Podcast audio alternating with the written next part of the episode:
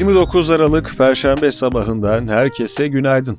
Ben Yakup ve şu anda Aposto 6.30 dinlemektesiniz. Umarım sesim size neşenizin ve sağlığınızın yerinde olduğu bir zamanda ulaşıyordur. Hepinize keyifli bir Perşembe günü diliyorum. Bugünün bülteni LG ile birlikte ulaşıyor.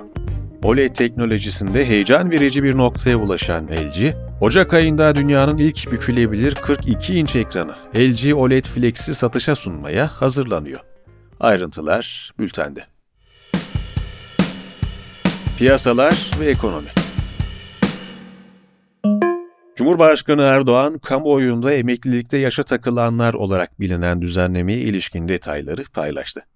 Buna göre herhangi bir yaş sınırı bulunmayacak düzenlemeyle 2 milyon 250 bin vatandaş emekli olabilecek. Emekli olabilmek için prim ödenen gün sayısı ve sigortalılığın yeterli olacağını belirten Erdoğan, düzenlemenin sadece yaş nedeniyle emeklilik bekleyenleri kapsayacağını, SSK, SGK, Bağkur ya da emekli sandığı ayrımı olmaksızın mevcut yapıdaki herkes için geçerli olacağını ifade etti. Emekli olduktan sonra sosyal güvenlik destek primi ödeyerek çalışmaya devam edecek kişiler için sosyal sigorta prim teşviği ve işverenler için ise kıdem tazminatı ödemelerinde Hazine ve Maliye Bakanlığı'nın KGF destekli kredi paketi devreye girecek.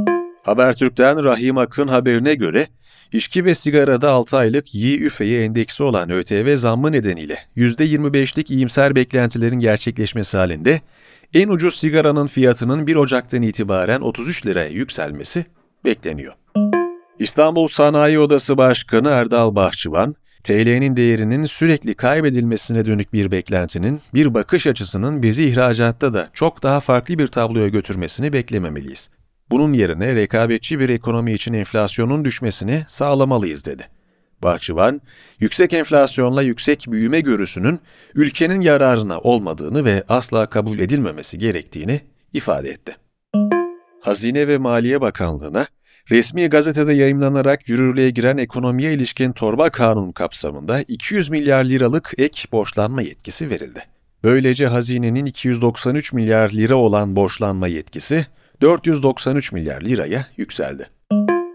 Reuters'ın anketine katılan ekonomistler, Aralık ayı enflasyonunun baz etkisiyle 18 puan düşerek %66,8 seviyesinde ölçülmesini beklediklerini belirtti. Türkiye İstatistik Kurumu, Aralık enflasyon verisini 3 Ocak Salı günü açıklayacak.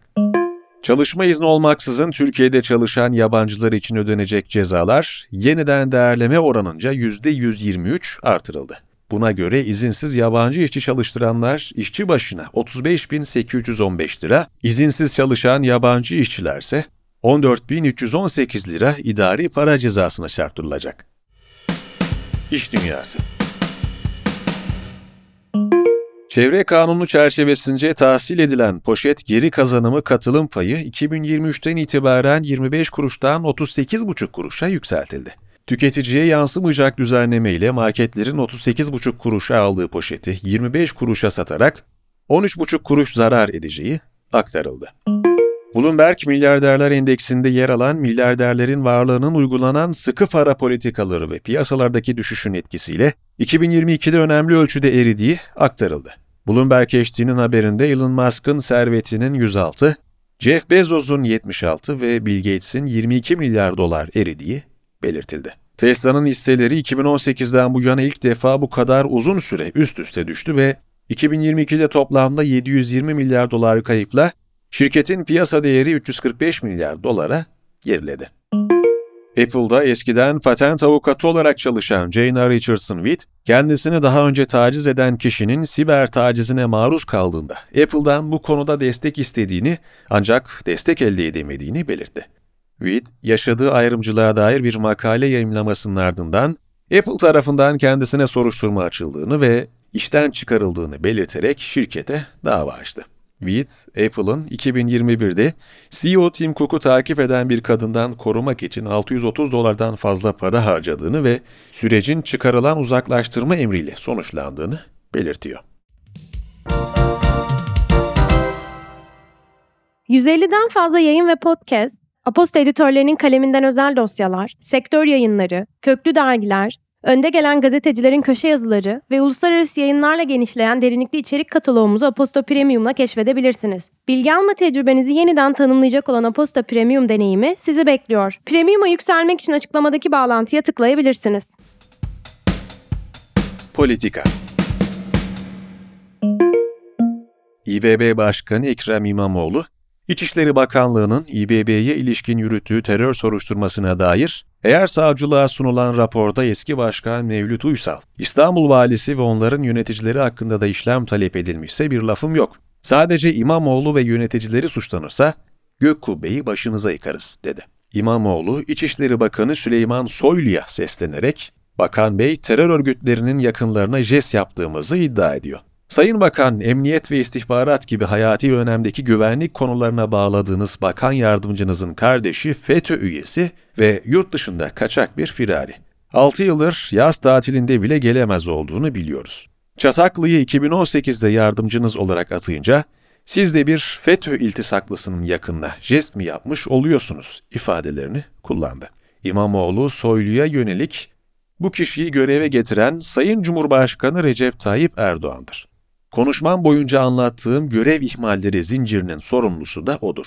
Sayın Cumhurbaşkanı ya kaosa razı geleceksiniz ya da İçişleri Bakanlığı koltuğuna yüzünüzü kızartmayacak birini atacaksınız dedi. Soylu, İmamoğlu'nun açıklamalarına ilişkin CHP'de kaybettiği itibarı bizlere saldırarak meseleleri demagojiyle anlatmaya çalışanlar boşuna çırpınış içindedir. Bu bahsedilen kişi İmamoğlu saygılarını sunarak beni aramıştır. Bana belli bir konuda CHP Genel Merkezi zaten beni sevmiyor, bana yardımcı olur musunuz diye ricası olmuştur.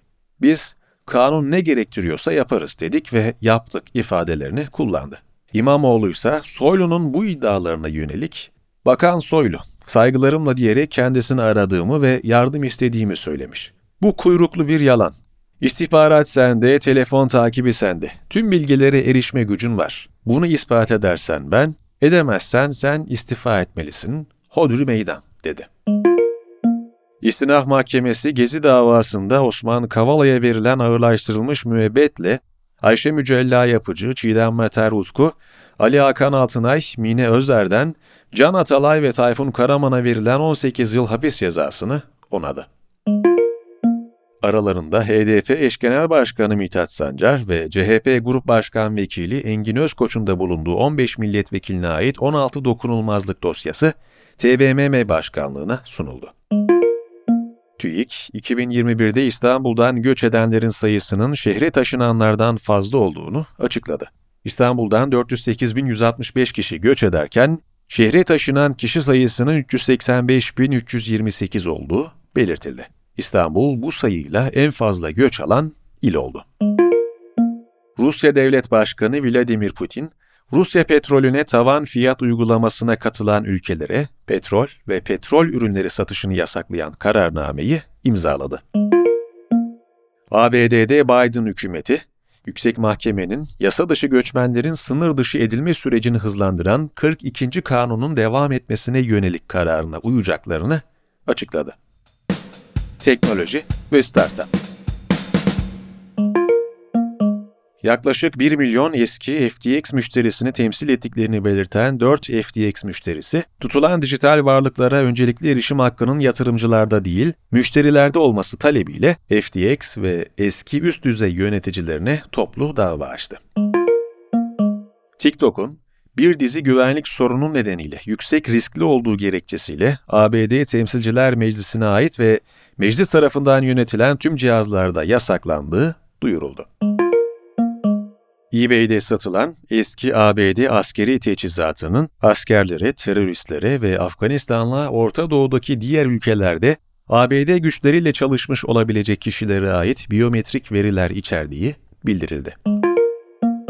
ABD merkezli kripto para borsası Kraken, Japonya'daki faaliyetlerini durdurarak kaydının 31 Ocak 2023 itibarıyla Japonya Finansal Hizmetler Ajansı'ndan silineceğini açıkladı. Günün hikayesinde teknoloji savaşı ABD Çin'e karşı başlıklı bir yazı sizlerle buluşuyor. Dünyanın en büyük ekonomisi olan ABD'nin gayri safi yurt içi hasılatı küresel ekonominin %24'üne karşılık gelirken Dünyanın en büyük ikinci ekonomisi Çin'in payı ise %15 olarak belirtiliyor. Birbirine rakip bu iki ülkenin küresel ekonomiyi böylesine domine etmesi, bu rekabetin bütün dünyayı etkilediği anlamına geliyor. İkili arasındaki savaşın en kızgın şekilde sürdüğü cephelerden biri ise teknoloji olarak karşımıza çıkıyor. Çinli teknolojilerin hem askeri hem siyasi hem de ABD vatandaşlarının verileri için ulusal bir tehdit olduğunu savunan ABD, bu yıl Çin'e birbiri ardına kısıtlamalar getirdi. Bunlardan en sonuncusuysa yaklaşık iki hafta önce geldi. Buna göre ABD hükümeti, Çin merkezli teknoloji şirketlerine halihazırda uyguladığı ihracat kısıtlamalarının kapsamını genişleterek 36 şirketin daha ticaret kara listesine alındığını duyurdu. Haberin detayları ve daha fazlası için Günün Hikayesi kanalına göz atmayı unutmayınız. Bu haftalıkta bana ayrılan sürenin sonuna geldik. Bu bölüm benim için 2022'nin son 6.30 kaydıydı. Bugünün bülteni LG ile birlikte ulaştı. Ben Yakup, 2023'te de 6.30 yayınlarında görüşünceye dek kendinize iyi bakın. Hepinize iyi bir sene, mutlu bir sene diliyorum şimdiden. Görüşmek üzere, sevgiler.